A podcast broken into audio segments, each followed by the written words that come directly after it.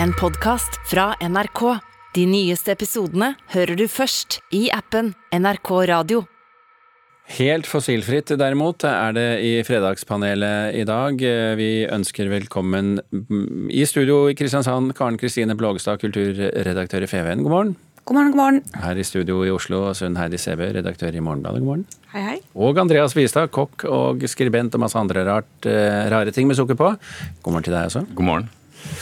Første spørsmål. Denne uken så måtte Universitetet i Oslo og Statsbygg eh, komme med et forslag til Kulturdepartementet om hvordan de skal redusere kostnader på byggingen av dette nye vikingtidsmuseet på Bygdøy med hele 1 milliard kroner. Museumsdirektøren fryktet i forkant at en plan som dette ville gå utover skjøre gjenstander og evnen til å behandle dem ordentlig, og ikke minst tilgjengeligheten for publikum. Så vårt spørsmål er, vi kan jo begynne av høflighetsårsaker i Kristiansand, vi. Um, må ikke selv Vikingtidsmuseet sette tæring etter næring? Nei. Jo. Du mener at de må det? Ja. Hva med deg? Unnskyld, du må ta på deg øretelefonene. Jeg glemte å si det til deg. Beklager, du hørte jo ikke Karen Kristine Blågestad. Dette gir mer mening. Eh, mener du, eh, Sunn Heidi Sebbe, at eh, Vikingtidsmuseet må sette tæring etter næring? Nei. Ja, der har vi en fin bukett. Vi kan begynne i Kristiansand.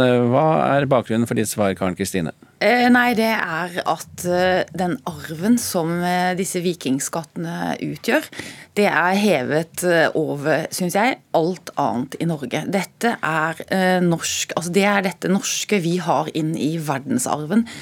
Og jeg er enig i at de sikkert kan gå en runde til på byggekostnader og sånn og slik, men hvis det koster penger å ta vare på vikingskipene, Eh, og alt det rundt, så, det, så får det koste penger. Det må vi bare ta mye bedre vare på enn vi har gjort hittil. Det er en skandale at det har gått så på overtid eh, som det har gjort. Sæbø? Jeg blir alltid litt sånn forundra over hva det er som skjer i liksom, prosjekteringen av disse offentlige byggeprosjektene. Stortingsgarasjen ble jo som vi husker en milliard dyrere. Stupetårnet på Hamar skulle koste 1,5 million, ble 25,8 millioner. Um, at jeg syns det er naturlig å liksom ettergå prosjektet sånn som, sånn som, regjeringen har bedt om. Uh, og så er jo jeg også enig i dette liksom, med kulturarv og verdien av det. fordi hvis man tenker én million på budsjettoverskridelse høres enormt mye ut, men um, ja, hvis man sammenligner med En milliard, mener du? Milliard, ja, unnskyld. Men hvis man ser på hva, den uh, mengden som går til oljenæringen f.eks., og gjennom leterefusjonsordningen, så blir jo denne milliarden et spytt i havet. Regjeringskvartalet. Ja, ikke sant. Men, men det er jo det er liksom to paradokser synes jeg, med dette. Det ene er jo at uh, du har et fagmiljø som forvalter vikingkulturen i nesten 100 år har de gjort det. Og nå må de gå ut og tigge og sutre i media istedenfor å lære av vikingene, som jo var verdensmestere, og si hvis de ville ha noe, så bare gikk de ut og forsynte seg. Så er, De har på en måte litt sånn dårlig næringsvett på det, men det er også en rar ting at, at du har en, eh, en senterpartipolitiker som på en måte, Du har inntrykk av at det er litt Hvem snakker du om da? Borten Moe, ja. som, som, er eh, hovedansvarlig her. Som er ganske kritisk til en del av liksom den Oslo-baserte elitekulturen. Men her har du et stykke veldig veldig brei eh, kultur hvor, som både er liksom Norge i Norge og Norge i verden. Og så er det akkurat der man skal kutte. Det syns jeg er eh, snålt. Mm. Ja, jeg synes jo Denne diskusjonen viser jo at vi, vi lar oss fange av et premiss vi ikke skal la oss fange av, vi ikke skal akseptere. Vi skal ikke sammenligne vikingskipene og vikingskattene med stupetårnet på Hamar eller stortingsgarasje eller regjeringskvartal eller veier eller hva som helst. Det er liksom hevet over det. Tenk dere hvor gammelt det er da. Og at ikke vi har klart å ta vare bedre på det, det er så skandaløst. Jeg har nesten ikke ord. Det, jo et, det har jo vært slått alarm fra dette miljøet i mange, mange mange år. Og det har vært utsatt og utsatt og utsatt. Og utsatt, og nå er det jo stengt for publikum osv. Hvis ikke vi klarer å stenge nei, og ta bedre vare på det, så føler jeg at vi må bare stenge Norge, for det blir så flaut. Sunn Heidi, eh, jeg leste i Aftenposten en tid tilbake, god tid tilbake at eh, disse vikingskipene eh, på enkelte steder er sprø som knekkebrød. Det hadde jo vært interessant om de skulle gå gærent, dette? Ja, men jeg tror vi alle er enige om verdien av å ta vare på disse gjenstandene. Men jeg tenker at når man ber, ber, om å ta en ny kostnadsvurdering, så kanskje det handler om hele bygget og anlegget. At det finnes andre steder i dette prosjektet å kutte. Og så sier ikke jeg at man skal det, men man er vel blitt bedt om å se på mm. hvordan kan man få ned kostnadene når budsjettoverskridelsen er på en milliard. Og så må man jo på et, man, man må si at det, du får tross alt ganske mye for 2,14 eh, milliarder fortsatt. Ja, Som er sluttsummen, mener du? Ja, Som er sluttsummen hvis man ikke får den ekstra milliarden. Ja, ja. ja. Vi får jo se hvordan det går. De skal pusle med dette i lang tid fremover, antar jeg. Vi derimot skal gå til neste spørsmål her i Fredagspanelet. Konfirmasjonsdagen eh, er jo den dagen da ungdommer eh, blir mest fotografert. Det er ikke bare at de trer inn i de voksnes rekker. Og Det betyr jo selvsagt at finstasen skal på. Eh, og så er det slik, da. Det er ikke alle som har råd til en bunad til 50 000 kroner. Den hvite kappen som brukes i mange kirker fører til mindre kles- og bunadspress, mener en konfirmant vi snakket med. Nei, det er jo greit at alle bruker hvit kappe. Alle blir jo likestilt, på en måte. da. Det er jo ikke noen forskjell da, på klesplagg og sånn. Blir nøytral, da. Så jeg syns kappen er bra. Tror dere på det også, at hvite kapper under seremonien gjør klespresset mindre, Sunn Heidi? Nei. Nei. Karen Kristine? Eh, ja, kanskje. Nei. Jeg vet ikke. Litt vanskelig. Du var ganske tydelig, Svein Heidi. Ja, eh, Hvite kapper kunne funka fint hvis konfirmasjon isolert sett bare handla om denne seremonien. Men konfirmasjonsundervisning er jo noe som starter året før. Eh, man snakker masse om det i forkanten. Det er på en måte russetiden light. Mm -hmm.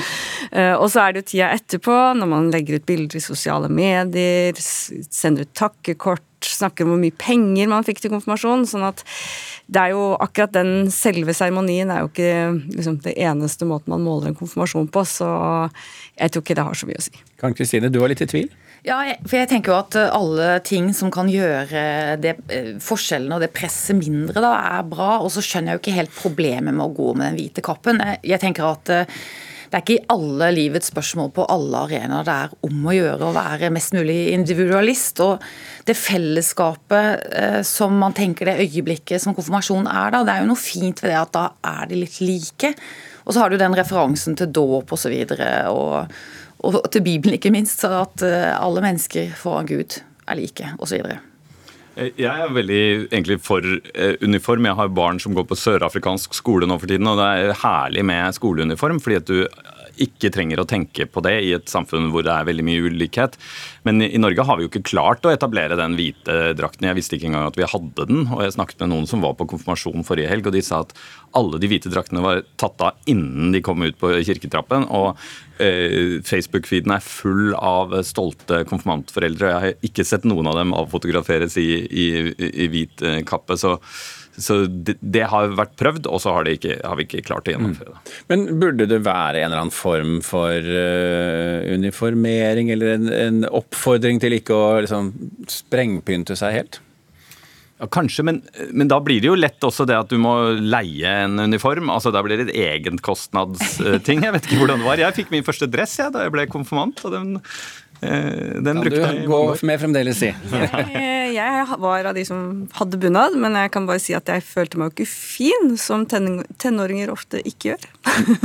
men er det litt annerledes nå, Karen Kristine, tror du, at eh, tenåringer kjenner seg fine i bunad? Ja, Bunad er jo kjempepopulært eh, blitt. Det er jo virkelig blitt et uh, veldig sånn stort allemannseie. Sånn at de som ikke har råd til det, for det er jo også kjempe, kjempedyrt, de føler seg jo kanskje mer utenfor enn de har gjort før. Så jeg tror at det har endret seg. Og jeg syns jo ikke problemet med hvit kappe kan være noe stort. Og hvis det kan ivareta den seremonien, som jo er den tydeligste arenaen i konfirmasjonen, så syns jeg kanskje det er et poeng å fortsette å bruke den hvite kappen. Forskjeller på eh, rike og fattige skal eh, være tema også i neste spørsmål. Fordi som første fornøyelsespark i Norge så innførte Tusenfryd et såkalt såkalt ekspresspass. Det er en ordning som gjør at eh, man kan da betale ekstra for å slippe å stå i kø, så man bare fyker foran den lange køen. Dette her er sånne grep som gjør at man kjenner på forskjellene i samfunnet. Og så ble det selvfølgelig massiv oppmerksomhet i media og i kommentarfeltene, og så la Tusenfryd ordningen ned. Spørsmålet vårt er, Andreas, var det riktig av Tusenfryd å snu? Nei. Karen Kristine? Ja. Sunn Heidi? Nei. Ok. Andreas? Ja, altså Det var så voldsomt ja, nei. jo, jo, jo, fordi at jeg tenkte jippi da jeg hørte den. Eh, fordi at alle sånne som meg hadde da en unnskyldning til å boikotte Tusenfryd. Jeg har tre barn, og det er den store frykten når eh, sommeren kommer, at man blir tvunget til å gå i forlystelsespark. Og så nå så, så Nei, vi kan ikke gjøre det, fordi at de er så å, de driver sånn apartheid-system, og nei, nei, det går ikke. Så da har man en veldig god unnskyldning. Mens nå er den unnskyldningen ikke like god. Og, ikke sant? Eh, eh, Cecilie Hellestveit, som skrev kronikk også og sa nå vil jeg boikotte, hun eh, blir jo da nødt til å dra med ungene sine ut på Tusenfryd. Ja, det skulle hun tenkt på å si. Eh, Karen Kristine? Nei, jeg syns jo dette med å etablere sånn business class for barn i en fornøyelsespark er dypt usympatisk, på linje med veldig mange andre. Og så syns jeg det er utrolig godt at uh, nordmenn har en sånn forbrukerreaksjon. At vi reagerer uh, som verdimessig, altså verdibasert. Det syns jeg var litt uh, kult. Og så må jeg si jeg la merke til en eller annen representant fra Tusenfryd sa at Idet de snudde og avviklet den tanken om den nye ordningen, så sa han at nordmenn var ikke klare for dette enda. Og da ble jeg litt provosert igjen, for jeg tenker han har ikke skjønt hva reaksjonen har vært. Det er akkurat som om vi ikke Eller som om dette spørsmålet har noe med modning å gjøre. Og det har det jo ikke. Det er jo rett og slett bare noe ikke nordmenn vil ha. Sunn Heidi. Så det var jo strategisk lurt av Tusenfryd å snu, sånn som reaksjonene ble. Men en del av meg skulle ønske at de bare hadde stått i det. Um, men det er kanskje sånn et ønske om å se hvordan dette skulle utspille seg i sommer. Um, både denne og den forrige saken vi diskuterte har dette felles, føler jeg, at man prøver å tilsløre at det er sosial ulikhet det er der, og kanskje kunne det vært eh, bra for barna å kjenne det litt på kroppen tidlig. Og så var det jo en eh, Frp-politiker som eh, poengterte, kanskje betimelig, at men dette er da strengt tatt ikke noe nytt. Det er da store forskjeller på billettpriser på operaen og i teatersalen f.eks. Det er de, er de rike som får sitte foran, og de fattige som må stå bak. Jeg, jeg, ja, jeg, er helt enig i det, og jeg er også enig med at vi ikke skal prøve å tilsløre forskjeller og sånn, for, for, det er det i samfunnet vårt. Men det betyr jo heller ikke at vi skal gå den motsatte veien og heie på det, og være med å sementere det og liksom etablere det og akseptere det nødvendigvis. Jeg syns vi skal prøve å kjempe for at uh, på sånne store barnlige arenaer så er det barnlig glede som skal gjelde. Og jeg tror verken de barna som blir satt til side om å stå og vente og vente og vente, har godt av en sånn fast track uh, deling. Og jeg tror i hvert fall ikke de barna som eh, hele tiden opplever å komme på ekspressfart og fast track, har godt av det.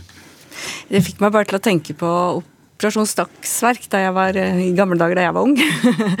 da man um, skulle liksom leke apartheid for en dag, hvor alle uten dongeribukse fikk liksom privilegier og godteri osv. Og, så og hvor opprørende det var for barna, og at man virkelig liksom fikk en sånn smakebit av hva, hva, ulikhet og urettferdighet betyr. Da. Så i et sånt perspektiv så kunne det kanskje vært bra.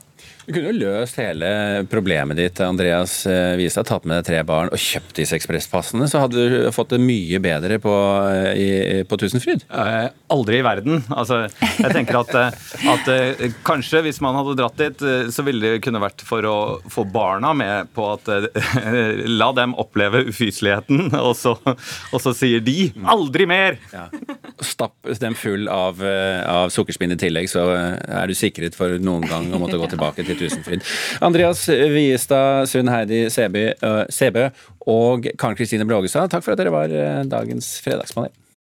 Du har hørt en podkast fra NRK. De nyeste episodene hører du først i appen NRK Radio.